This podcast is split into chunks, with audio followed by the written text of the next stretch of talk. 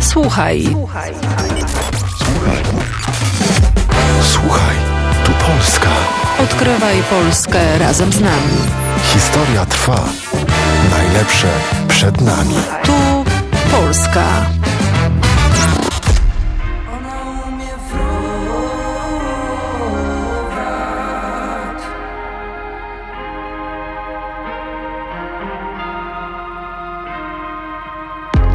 Chodzą suchy rzek, raczej suchy rzęs Już nie miewasz.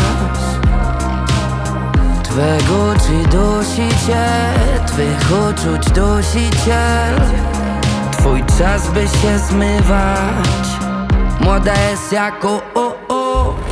Bo ona lubi tańczyć, ona lubi dogadywać się bez słów a jemu nie wystarczy, on bywa uparty i nie wie, że to już Poszło, to, że nie ty nie oznacza, że samotność Bo po ulicach dusze błądzą. Młoda bierze to na chłodno. Ja cię kiedyś widziałem tysiąc lat temu. Ty mnie też, ale jemu o tym nie mów i pamiętam jak dzisiaj mam z tym zero problemów Twój blask w jego cieniu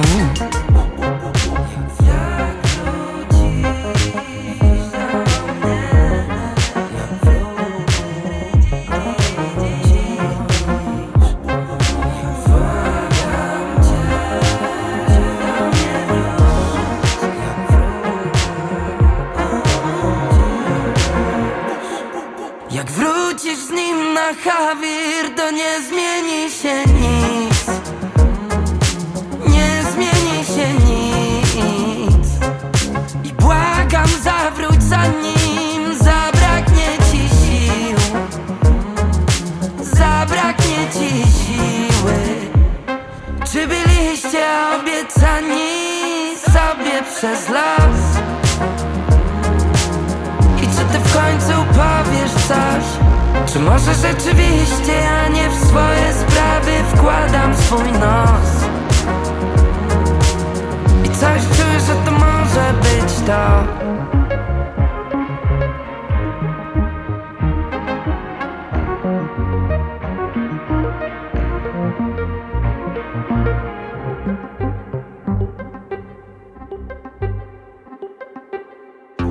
Długo nie widziałem cię na ośce I długo nie wiedziałem czy Gdybym cię zobaczył to bym podszedł Czy schował za czymś. Niezakochani czekają na wiosnę W nadziei, że ty Dasz znak, dasz dostęp Do tajemnic swych. Młoda jest jak o, Bo ona lubi tańczyć, ona lubi dogadywać się bez słów nie wystarczy, on bywa uparty i nie wie, że to już Poszło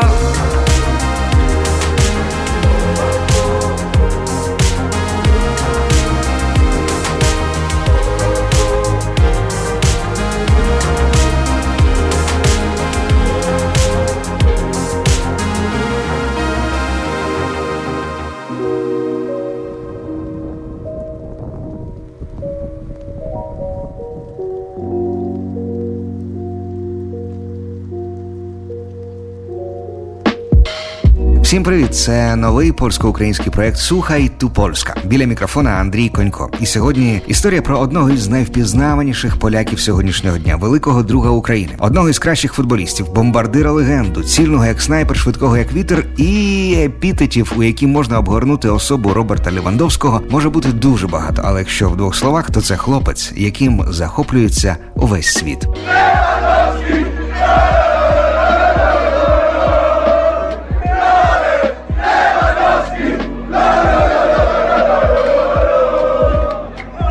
А ще Роберт Левандовський з тих мегавідомих людей, які свій вплив і статки готові скеровувати на благодійність. З перших днів війни, нашої великої війни, він не залишився осторонь. Уже на третій день повномасштабного вторгнення росіян в Україну Левандовський вийшов на гру Баварії з Айнтрахтом із капітанською пов'язкою у барвах українського прапора. І це був один із перших символічних жестів підтримки країни, яка стала жертвою агресії. tak człowiek chyba do końca nie wierzył, że to się tak naprawdę stało, że to się dzieje. I powiem szczerze, to był taki mój po- spontaniczny pomysł, e, żeby Solidarność pokazać poprzez to, że jednak e, wyjść z opaską. e, Byłem też kapitanem w tym meczu, więc tak naprawdę chyba 3-4 godziny przed meczem wpadłem na pomysł, będę kapitanem, to zamiast normalnej opaski założę opaskę z barwami ukraińskimi. Myślę, że od początku każdy z nas, każdy sportowiec chyba zdawał sobie sprawę z jakim atakiem z całą tą sytuacją, która się wydarzyła i dzieje się na Ukrainie.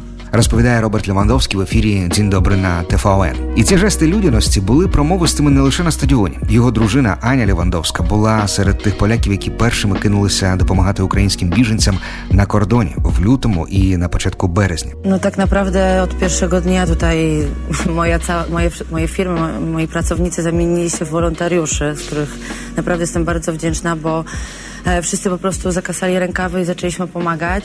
Niesamowite jest to, jak e, siła Instagrama jest e, tutaj e, przydatna, bo wykorzystałam e, swoje zasięgi.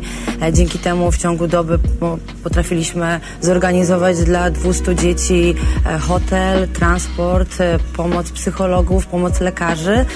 E, I to było niesamowite. Ja w pewnym momencie sama wzięłam za telefon i dzwoniłam do ludzi z Instagrama.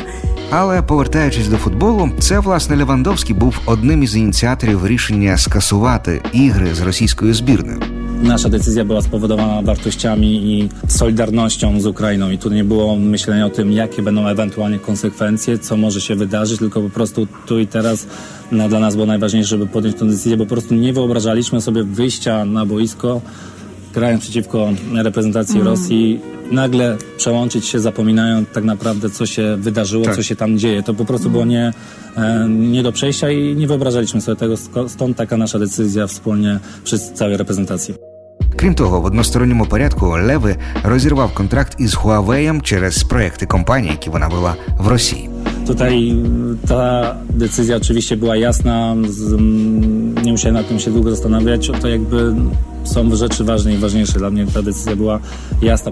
Роберта Левандовського запросто можна назвати скромним, чуйним і відкритим. Попри зірковий статус, він не з тих футболістів, які бронзовіють. Можливо, це пов'язано із тим шляхом, який йому довелося подолати, поки він добирався до вершини гори.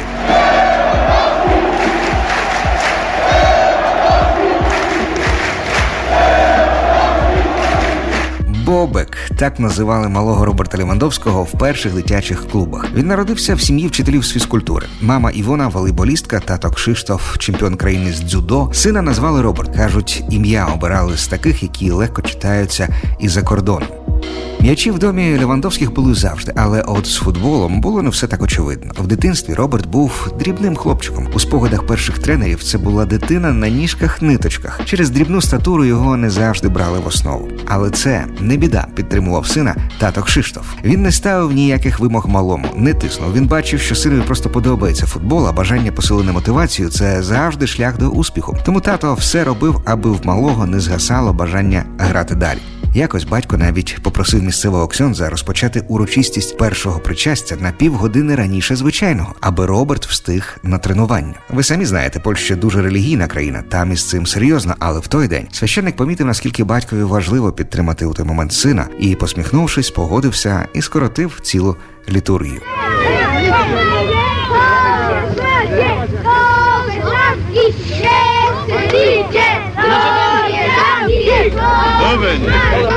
Левандовські встигли, і матч команда Бобика виграла. Bo o sukcesie decydują nie tylko tak zwane warunki, ale również, a może przede wszystkim pasja, wiara w siebie i wytrwałość. W przypadku Lewego ogromny wkład w rozwój jego sportowego talentu i niezwykłej siły wewnętrznej wnieśli rodzice, będący sportowcami nauczycielami WF-u oraz mądrzy trenerzy, którzy wspierali małego piłkarza o nóżkach jak patyczkach. Kiedy dorosły, rodzic lub trener czy nauczyciel daje wsparcie, broni, wierzy w dziecko, młodemu człowiekowi rosną skrzydła. Tak opisuje dytynstwo Roberta Lewandowskiego, odna z z jego biografii.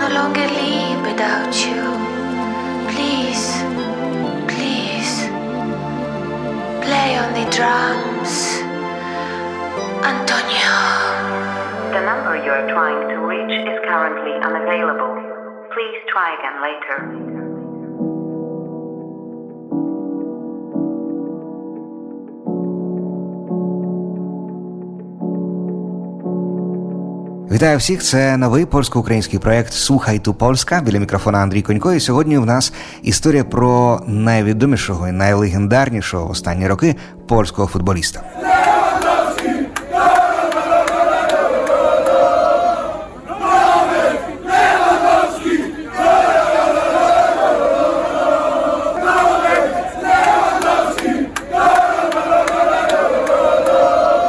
Аби вибити собі місце в юнацькій команді, Левандовському доводилося чимось компенсовувати анатомічні слабкості. Тож маленький зріст і відсутність маси в порівнянні з однолітками він замінив прокачкою швидкості і маневреності. І це не було просто. Доводилося багато працювати, що звісно було пов'язане із відмовою від типових розваг дитинства. А ще ж треба було добиратися на тренування. Дорога займала більше години, але батько готовий був витрачати по 4 години в день, аби водити сина на футбол. Так Роберт потрапив у другий склад легії. Лише після 16 років він додав зросту і витягнувся до теперішніх метр 85, зберігши при цьому швидкості та вміння стрімко приєднуватися до атак. І вже під час гри у легії доля вдарила дуже сильно.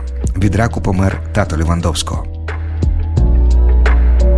в один момент переді мною постала задача перетворитися з хлопця на чоловіка. Було дві дороги: або зламатися, або йти вперед. І я не зламався, пригадує Лівандовський. Потім через травму його не взяли в основу легії. Здавалося, знову прийшов час здаватись. Так, коли одночасно обвалюється особисте життя і те, що ти любиш, і на що сподіваєшся, розчиняється в повітрі, дуже важко зібратися докупи. Однак через це важко, хоч і не простою дорогою, але леви проходить. Паралельно з реабілітацією Роберт набирає тренера провінційного клубу Прушков. Вони цікавилися ним раніше. Однак з Варшави до Прушкова по своїй волі, напевно, ніхто не переходить. В тій телефонній розмові Левандовський чесно розповів про травму і про те, що не хоче кидати футбол. Зрештою, Прушков його таки взяв. І не прогадав. У двох наступних сезонах Роберт став найкращим бомбардиром спершу третього, а потім, а потім і другого дивізіону. Znaczy na pewno były ciężkie momenty, może nie samotny, bo samotny zawsze miałem wsparcie i kogoś bliskiego z rodziny, ale no, były momenty smutne, nie zawsze układało się tak, jak ja bym to chciał w mojej karierze czy w życiu i mm, czy to sprawy prywatne, czy, czy, czy zawodowe, piłkarskie, tak na- powiedzmy, to em, były ciężkie momenty, ale też z drugiej strony wiedziałem, że nie mogę się poddać, że trzeba zacisnąć zęby i, i dalej żyć, dalej e, brnąć i, Польські гранди не могли таке пропустити. Тож у 2008 році за Роберта вперше виникла суперечка. Вісла, Лех, Рух всі були в ділі, і лише легія, з якої він пішов, трохи зверхньо коментувала свого колишнього вихованця. Левандовський обрав познанський лех. Частка іронії, напевно, є в тому, що найбільш принциповим суперником Леха є якраз Варшавська легія, протистояння з якою називається польське дербі. І в познанських білогранатових кольорах Леви виграв Кубок Польщі, забивши в сезоні 13 голів, що було дуже непогано як для новачка.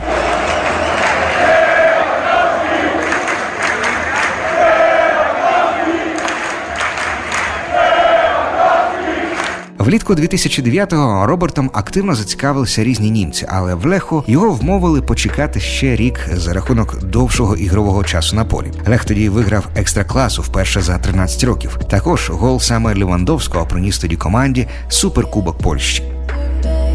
Після цього на Левандовського кинули оком багато європейських клубів, серед них навіть наш Шахтар. Але з тих, які приїхали вже знайомитися, був англійський Блекберн. Левандовського запросили приїжджати, як тільки відкриється трансферне вікно, і обіцяли дуже смачний контракт, хоча й в другій британській лізі. І Левандовський погодився. Навіть купив квиток до Манчестера, і вже тоді було домовлено про зустріч і представлення польського нападника клубу.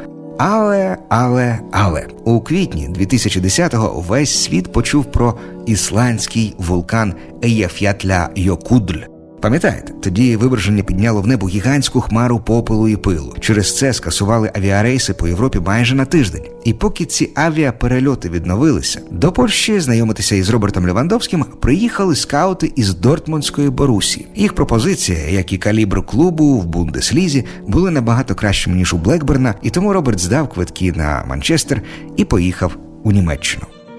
Mm, Przede wszystkim, mm, gdy spełniasz swoje marzenia, czy realizujesz swoje cele, to mm, jesteś dumny z tego, że ta ciężka praca, którą wykonujesz na co dzień, przynosi efekty, ale z drugiej strony też nie można spocząć na laurach, tylko myśleć o tym, żeby dalej być głodnym, dalej być żonnym sukcesu i tego, żeby osiągać kolejne, kolejne trofea. Вже в першому сезоні з Борусією Левандовський виграв чемпіонат Німеччини. У сезоні 2012-13 років Дортмундська Борусія пройшла у півфінал і провела фантастичну гру з Реалом. У ній Леви забив 4 голи. Гра закінчилася з рахунком 4-1 на користь німців. Хоча далі у фіналі Борусія програла Мюнхенській Баварії. Się zdarza, ale z drugiej strony ja zawsze staram się być pozytywny i nawet jeśli nie wiem, moja kariera by nie poszła tak, jakbym tego sobie wymarzył, to, to teraz o tym myślę, ale pewnie za parę lat będę na to też z innej z perspektywy, z innej strony na to patrzył i myślę o tym, co mi się udało zrobić, z tego się cieszył, a nie z tego, co mi się nie udało zrobić, więc raczej zawsze myślę o tym, e, co udało mi się zrobić, a, czy dokonać, a nie z tego, co, co nie zrobiłem albo jeszcze nie zrobiłem, bo zawsze podchodzę, staram się podchodzić pozytywnie do życia, nie tylko do piłki nożnej. Левандовський з 10 голами здобув титул другого найкращого бомбардира Ліги Чемпіонів, поступаючись лише Кріштіану Роналду. За кілька тижнів після його тріумфу у матчі із Реалом до нього задзвонили з Баварії. І що було далі, ми всі добре знаємо.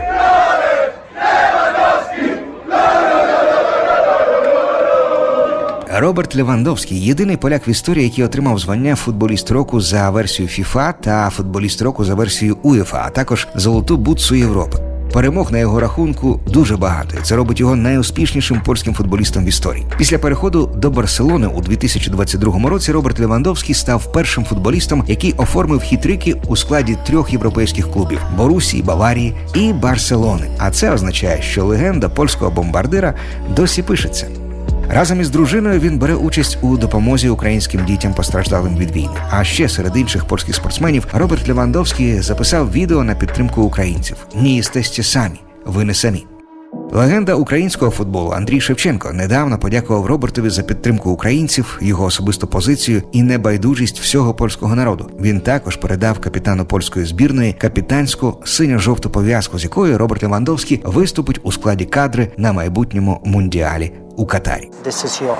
I'm very proud uh, because I know Jestem bardzo dumny. Wiem, że musimy wspierać obywateli Ukrainy. Polacy wiedzą, co znaczy walczyć o wolność. Znamy historię, naszą historię. I dlatego dla mnie było jasne, że pomagamy naszym sąsiadom. for me it was clear to help our neighbors, to help the people from Ukraine. uh, Більше історій про польських друзів України, видатних поляків і ще більше польської музики уже завтра в рамках проекту Слухай ту Польська.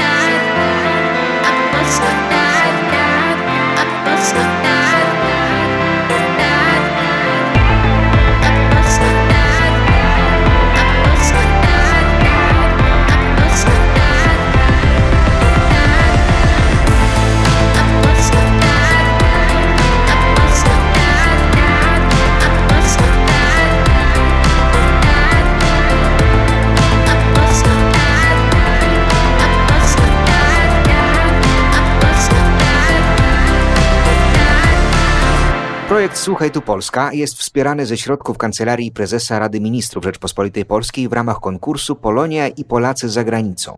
Projekt Profesjonalne Media w Ukrainie 2021-2022 realizowany przez Fundację Wolność i Demokracja.